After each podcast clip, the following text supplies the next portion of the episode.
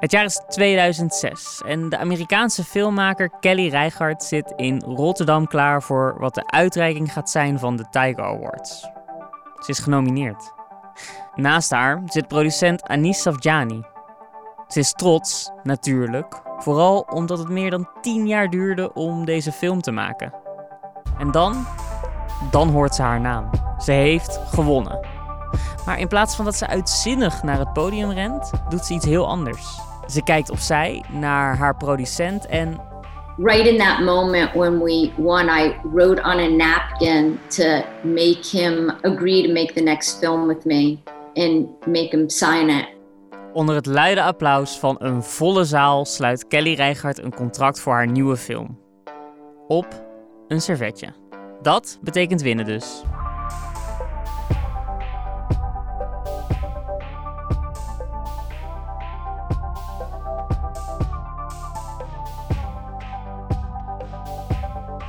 Welkom bij Tijgers en Cowboys, een podcast over 50 jaar geschiedenis van het grootste filmfestival van Nederland, International Filmfestival Rotterdam. Mijn naam is Cesar Majorana. Ik ben filmjournalist voor VPRO Cinema en in deze tweede aflevering vertel ik je over twee regisseurs die iets belangrijks gemeen hebben met Kelly Reichardt. Namelijk dat IFFR een belangrijke springplank is geweest voor hun carrière. Want hoe breek je eigenlijk door als filmmaker? Kijk, prijzen winnen helpt, maar je hebt ook de juiste contacten, een hoop geld natuurlijk en een flinke dosis geluk nodig. Een van de twee regisseurs in deze aflevering ken je misschien nog niet, ook al is ze momenteel in Amerika om een film voor Netflix te draaien.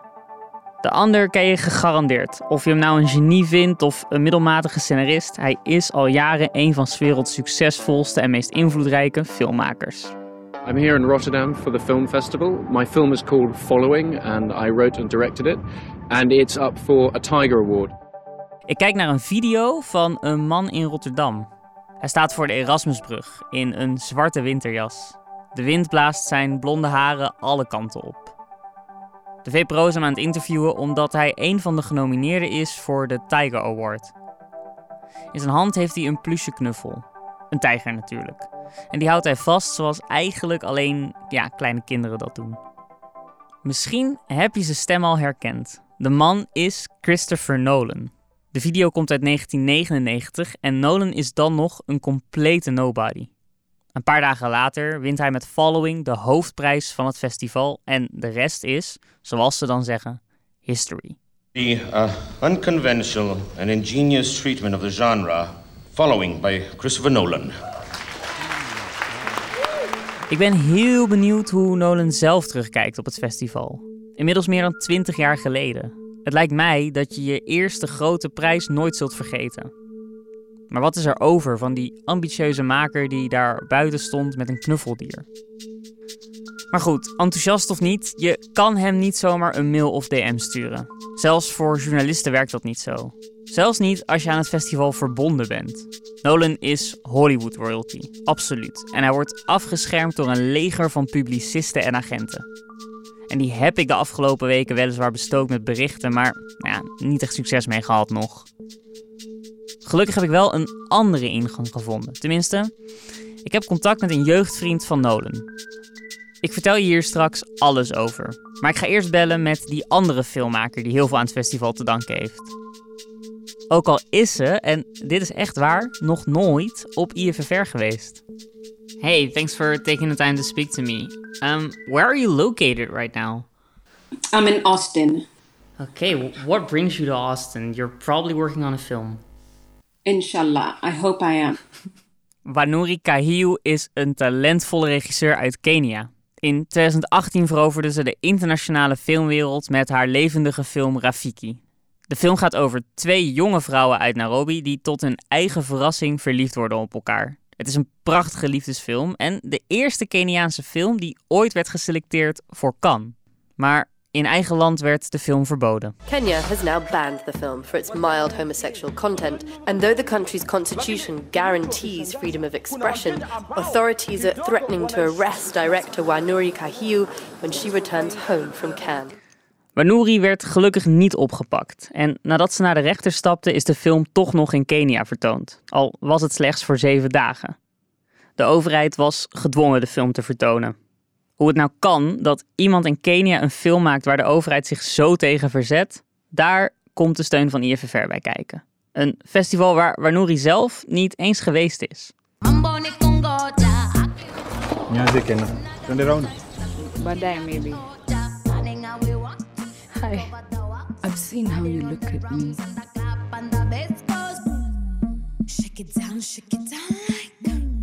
I want us to go on a date.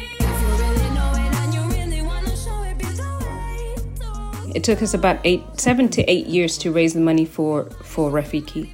We prepared for everything, but we had also been pitching the film for a long time. and we had gone to many festivals to pitch it um, and been rejected all over the place, you know. Acht jaar lang leuren met je project. Keer op keer nieuwe afwijzingen verwerken. Tot producer Steven Markovic naar IFFR gaat en uiteindelijk tijdens de Cinemart, de oudste filmmarkt in zijn soort, steun weet te krijgen van het Hubert Balsfonds. We were so pleased to receive it. We were so grateful for it as well, you know?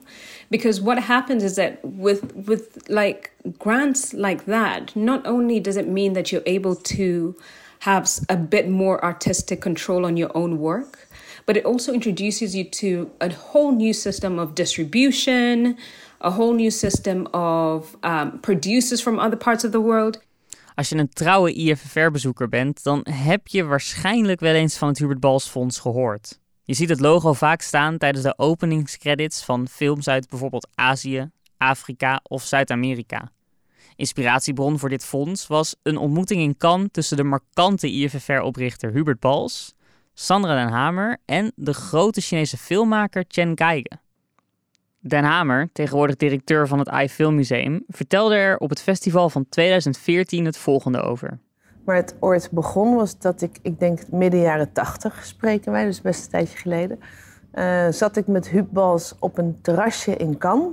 En toen was daar de uh, Chinese filmmaker Chen Kaige. Dan zat hij te vertellen dat hij in New York uh, les, les, gaf aan Amerikaanse huisvrouwen hoe ze met stokjes moesten eten.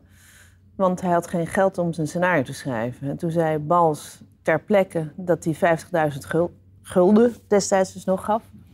En toen was het ontbijt over. En toen keek hij mij aan en zei hij, nou, regel jij dat maar.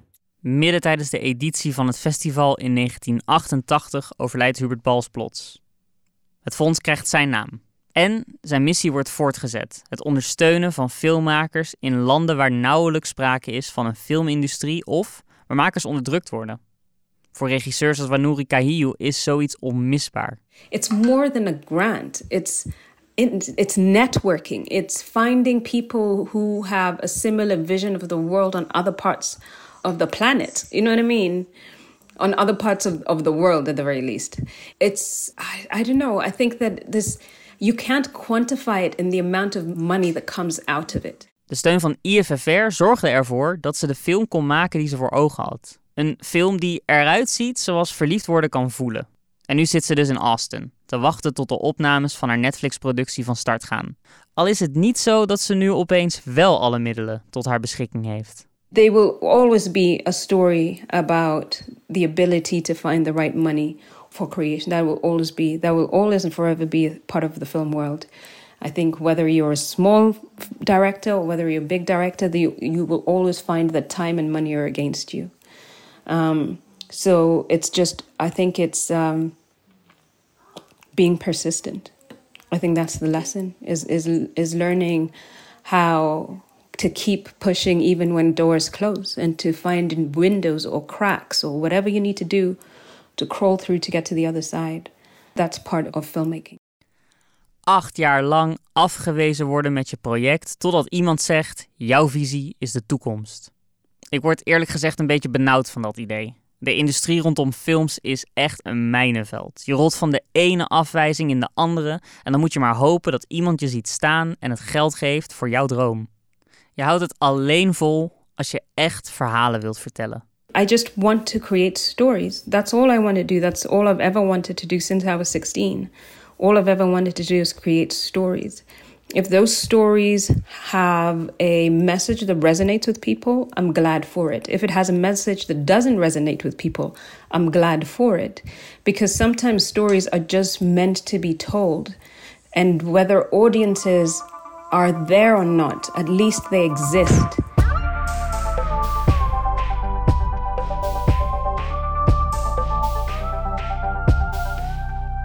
Wanuri Kahiu heeft het inmiddels door gewoon keihard te werken en nooit op te geven tot Hollywood geschopt. Maar eigenlijk staat ze nog aan het begin van haar carrière. En dat geldt natuurlijk niet voor Christopher Nolan, die helemaal bovenaan de piramide van de internationale filmwereld staat.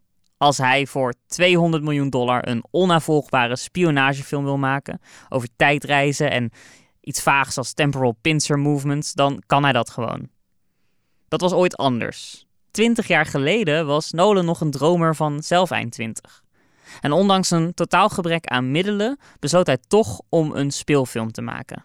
Following, een in zwart-wit geschoten film noir over een werkloze man die uit verveling maar besluit mensen te achtervolgen. Your eyes um, drift across a crowd of people, and they slowly stop and fix on one person, and all of a sudden that person isn't part of the crowd anymore. They become an individual, just like that. Just became irresistible. So you followed women? I followed anybody. I just wanted to see where they went, what they did. It was supposed to just be completely random. You never follow the same person twice. That was the most important rule. That was the one that I broke first. That's when the trouble started. De belangrijkste scènes van de film worden opgenomen in het huis van Nolans ouders. De rest doen ze in appartementen van vrienden. Er wordt een jaar lang alleen maar op zaterdagen gedraaid, omdat iedereen in de kleine crew belangeloos meewerkt en uiteindelijk gewoon een fulltime baan heeft. De paar duizend Britse ponden die de film uiteindelijk kost, gaat vrijwel volledig op aan 16 mm filmrollen. Ultra low budget dus, of ja, eerder nog no budget. Thanks to the Rotterdam Festival and the jury for giving us a, fantastic European premiere and uh, thanks to all the festival staff for giving us such a wonderful time and running us back and forth to the airport so much. So thank you very much. Hoe keken mensen in 1999 naar deze film? Werd Nolans talent meteen herkend? In het archief van NRC vind ik een recensie van de film van Hans Berenkamp. 5 mei 1999. Hij schrijft: Sublieme huisvleit is nog geen garantie dat Nolan in de voetsporen zal treden van op dezelfde manier begonnen talenten als Kubrick en Scorsese, in de tijd dat er nog maar een handjevol filmfestivals bestond. Maar de 28-jarige Christopher Nolan lijkt een bedaagd en verstandig man die zich niet gek laat maken. Ik ben heel benieuwd hoe Berenkamp nu denkt over die recensie en de sublieme huisvleit. Berenkamp heeft in zijn huis twee kamers in gebruik als archief, met alle recensies die hij ooit schreef erin. Het is een soort bibliotheek vol mappen met filmgeschiedenis. Je zou er ook prima studenten kunnen huisvesten, maar ik ben blij dat hij alles over IFFR in 99 heeft bewaard. Ik zoek hem op. Oh, het ruikt hier ontzettend naar papier. Ja, kan kloppen. Even kijken. Ik heb hier 1995. Mei 99. Nou, deze map zijn. Nou, hier hebben we wel de filmpagina van de NRC. Ik zal even voorlezen wat ik zei. Kijk, het was duidelijk toen al, toen die film in competitie in Rotterdam draaide. Van de film zelf herinner ik me niet zo heel erg veel, moet ik eerlijk zeggen. Behalve dat het heel erg in tijd versprong. En dat is natuurlijk later in alle films van Nolan is dat uh, aan het geval, het geval gebleven. Maar het was heel duidelijk dat, hij, dat er iets bijzonders aan de hand was. Iemand die voor een heel laag budget in zijn vrije tijd een zo complexe film had gemaakt. Dat moest wel een groot talent zijn. En eh, wat ik daar dan over schrijf in mijn recensie, die is een paar maanden nadat de film de Tiger Award in Rotterdam had gewonnen uh, zeg ik, Rotterdam is een betere plek om een film als Following te lanceren dan Sundance of Cannes. En er komt zeker een tweede film. Nou, wat dus grappig is, is dat ik dan al meteen met Kubrick en Scorsese aankom. Die inderdaad ook zijn begonnen met van die goedkope, in hun vrije tijd vervaardigde uh, uh, zwart-wit films. En dat ik zei, nou, het zou die kant op kunnen gaan, maar dat weet je niet. Hè? Een slag om de arm houden. Maar het is dus inderdaad uitgekomen. Er is nog nooit, geloof ik, in Rotterdam een film bekroond van een regisseur die daarna zoveel beroemder is geworden als uh, Nolan. Dat is echt wel een vrij spectaculaire doorbraak geweest. En natuurlijk heel goed van Rotterdam dat ze dat tijdig in de gaten hebben gehad. Hey, je noemde uh, Nolan dus een, een uh, serieuze man. Wat maakte hem zo serieus? Um, nou, kijk, ik heb heel wat regisseurs gezien in Rotterdam die, voor die daar met hun eerste film kwamen. En met name als ze dan groot talent waren, dan hadden ze ook vaak iets, iets brani-achtigs van... Ik ga de wereld laten weten dat ik er ben en dat zullen jullie allemaal onthouden dat je mij voor het eerst hebt gezien. Nou, dat had Nolan dus helemaal niet. Dat was echt een nou, soort uh, literatuurprofessor, wat hij ook was. Hè. Ik, ik weet niet of hij professor was, maar hij gaf in ieder geval les Engelse literatuur. En het was geen, eh, niet iemand die uh, iets had van opzij, opzij, opzij. Uh, Christopher Nolan komt eraan. Even kijken of VPRO-gids nog iets over Nolan heeft geschreven. Die had ik er nog wel bij. Even kijken, de vijf van Simon Fields. Ha, de directeur mocht toen vijf films tippen die dat festival belangrijk zou worden. Het was Afterlife van Correeda, Buffalo 66 van Vincent Gallo. Romance van Catherine Breillat, daar was heel veel over te doen. Dat was toen echt een hele grote naam. Nooit meer veel over vernomen. Dance of Dust van Zalili. En Leave on a Pillen van Gary Nugroho. Die was ook een competitie, geloof ik. Dat was een Indonesische film. Maar hij heeft dus niet following getipt. Nee, niet getipt. Nee. Ik vraag me dan altijd af, wat moet een filmmaker nou goed doen om die springplank optimaal te benutten? Want het kan natuurlijk inderdaad ook misgaan of niet gebeuren daarna. Ja, ja ik denk dat dat vooral ook een kwestie is van, van een paar dingen. Uh, het is de persoonlijkheid van de maker. Die, die moet inderdaad uh, rustig blijven.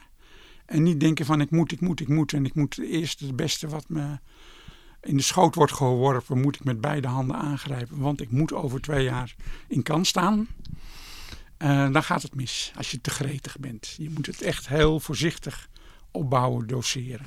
En dan is het vooral, en dat is het allerbelangrijkste denk ik, uh, is je, je, moet een goed netwerk om je heen bouwen.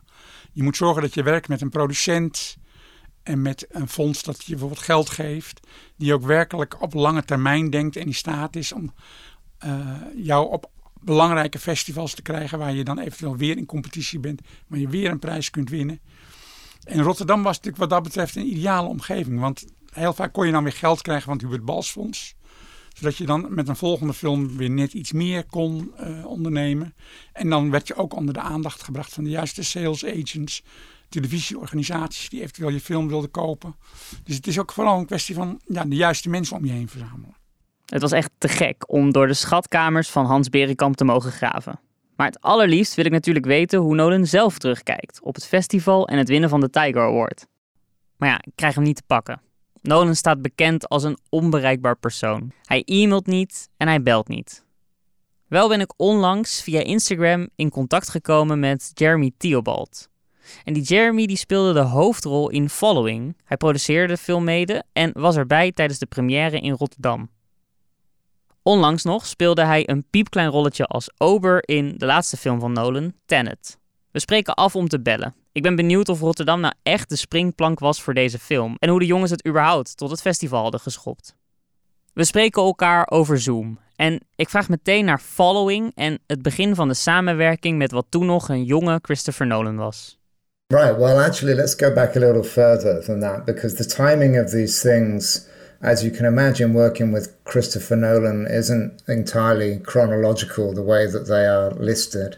So, uh, the first film that Chris and I made was a short film called Larceny, uh, and we made that in 1995 with some good friends. De jongens kennen elkaar via een van de andere mensen op set. Jeremy is in die tijd een student fysiologie die zich net iets volwassener kleedt dan gebruikelijk, waardoor hij er ja, nogal studentico's uitziet in zijn oversized leren jas. Nolan studeert Britse taal en literatuur. Het zijn beide geen filmstudies, maar de jongens zijn geobsedeerd door film. Ze beginnen aan hun eerste korte film, Larceny. It was a great little script. It was funny. It was sharp. It had a great twist at the end.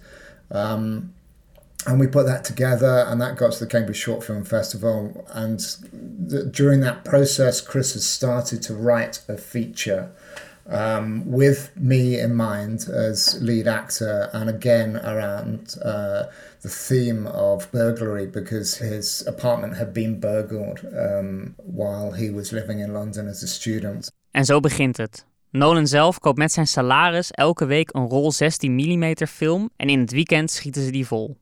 Zijn toenmalige vriendin, nu vrouw, Emma Thompson, helpt de film produceren. Dat doet ze nu nog steeds trouwens. De film wordt opgenomen in de huizen van henzelf en vrienden. Het is goedkoop, buiten het zicht van studio's en de filmwereld. En ik begin me af te vragen: zou je het kunnen zien? Zou je in die tijd al aan de regisseur die toen op de set stond zien dat hij een van de succesvolste cineasten van de 21ste eeuw zou worden? Jeremy zegt van wel. Nolan heeft een speciale gave.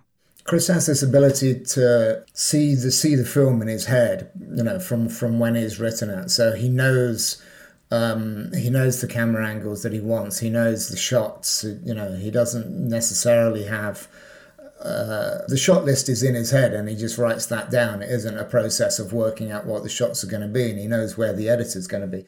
De opnames van Following gaan door. Hoewel Jeremy niet kan zien wat hij speelt, heeft hij de rol al zo vaak gerepeteerd dat het feilloos gaat.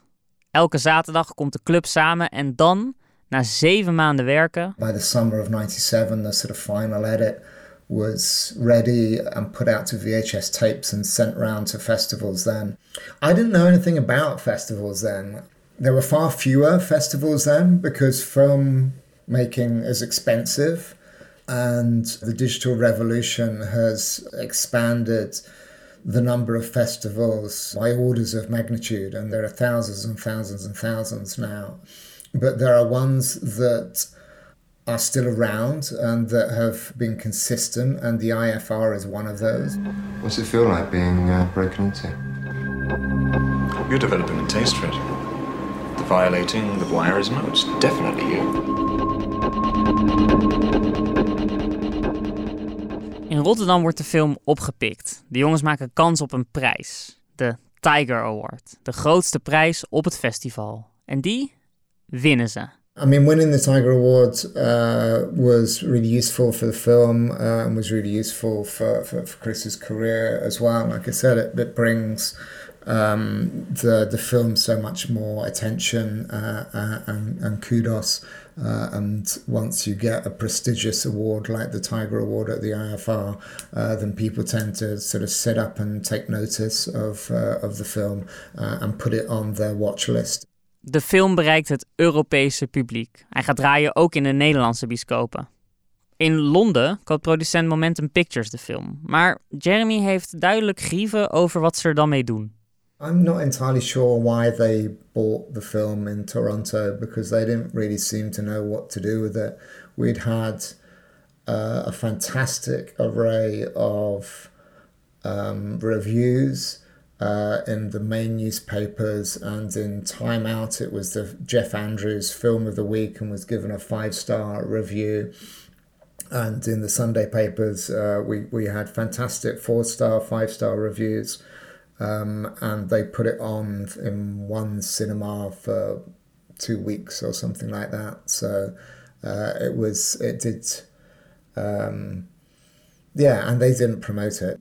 I'd like to have thought, like to have thought that it would have made more of a difference to my career. Certainly, if they had done so, um, because my agent had a quite a difficult time selling me for, uh, after after following.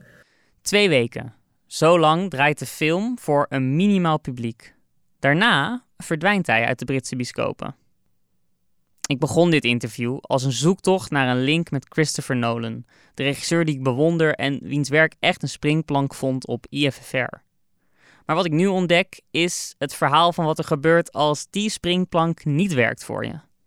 Ik vraag aan Jeremy van wat voor carrière hij eigenlijk gedroomd heeft. Oh well, I don't know. You you you dream that you know you'd like a career like Michael Caine or something like that. You know, who was who was one of my heroes, and so it was it was very special for me to be able to work with him on on Tenet. It's rare that you get to meet your heroes, let alone work with them. Um, and but as I said, the, the distribution of of following in the UK uh, was poor, and it didn't have a great um, effect of uh, on on my career, and so I, I you know I carried on doing stuff uh, uh, and and doing interviews for as for as long as I can, and then it, it, everything just kind of dried up. And um, Lucy was still doing things, um, and we would meet. So one of the things one of the things that Chris and Emma do is since Batman Begins in two thousand and five, um, they've invited us to every single premiere. Uh, of their films every two years, and that that's the same for the crew of following as well. So we all meet up every couple of years and go and see Dark Knight, Dark Knight Rises, Inception, Interstellar, and uh, Dunkirk, and uh, and we all you know chat and uh, in the party afterwards and meet up with Chris and Emma. Following is voor de carrière van Nolan een vliegende start. Niet veel later maakt hij het meesterwerk Memento en zijn legendarische Batman-trilogie. Maar ja, voor Jeremy is de rekker dus wel een beetje uit. Hij heeft geen rol in Memento en zijn volgende grote film komt niet.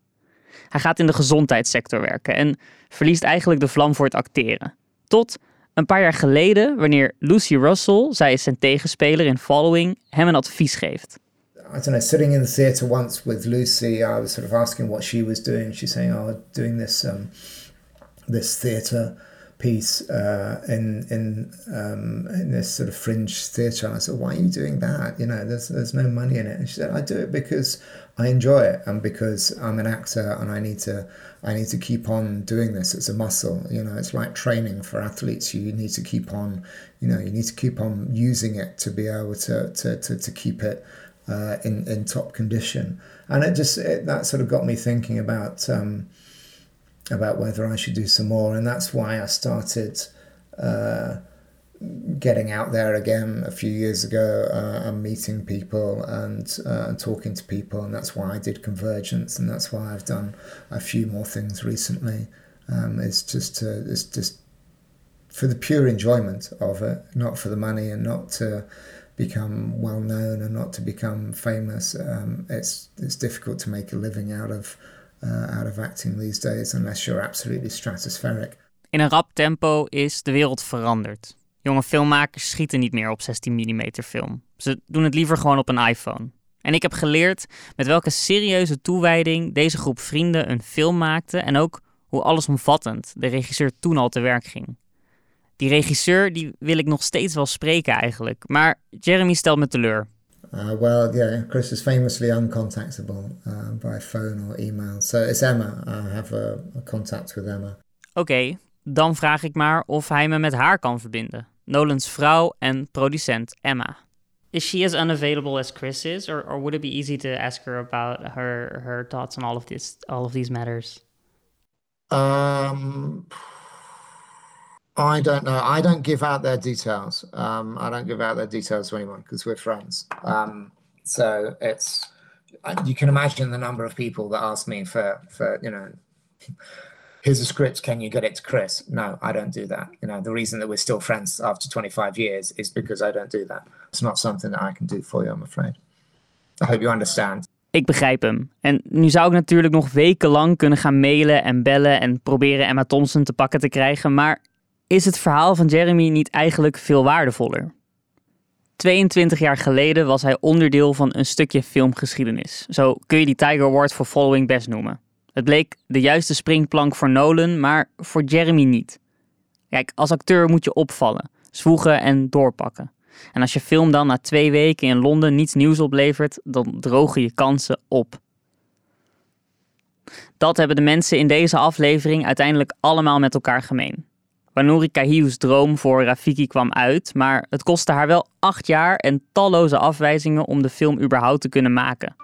En het verhaal van Kelly Reichardt, die tijdens de awardshow meteen doorpakt voor een nieuwe film, is natuurlijk inspirerend, maar daar ging wel een periode van tien jaar aan vooraf waarin ze geen enkele film van de grond kreeg. Het winnen van een prijs op IFFR of elk festival van dat formaat is geen garantie. Garanties bestaan niet in de filmwereld. Er bestaan alleen de juiste mensen en kansen op het juiste moment. Dit was de tweede aflevering van Tijgers en Cowboys, een productie van VPRO Cinema en IFFR. Ben je benieuwd geworden naar Rafiki?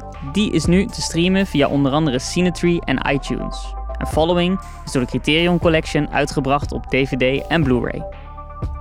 Deze podcast wordt gemaakt door mij, Cesar Majorana, eindredacteur Jelle Schot, researcher Celine van Benten, techniek Alfred Koster, soundtrack Julius Jongsma en adviezen kwamen van Irene Houthuis, Tibor Dekker en een hele reeks fantastische IFFR-medewerkers, waaronder Ronnie Theeuwis en Michelle Raad. Telkens als ik vroeg hoe zit dat, namen zij de tijd om mij antwoord te geven. In de komende afleveringen blijf ik graven in 50 jaar IFFR en duik ik onder andere in een exclusieve hotelnacht en het archief van de grote cameraman Robbie Muller. Als je nog niet geabonneerd bent en wel die afleveringen wilt horen, is dit een goed moment om je dus te subscriben op deze podcast. Van 2 tot en met 6 juni vindt de zomereditie van het 50ste IFFR plaats. Wat je daar allemaal kunt beleven zie je op hun website. Voor meer over deze podcast ga naar vprogids.nl slash 50 jaar IFFR. Bedankt voor het luisteren.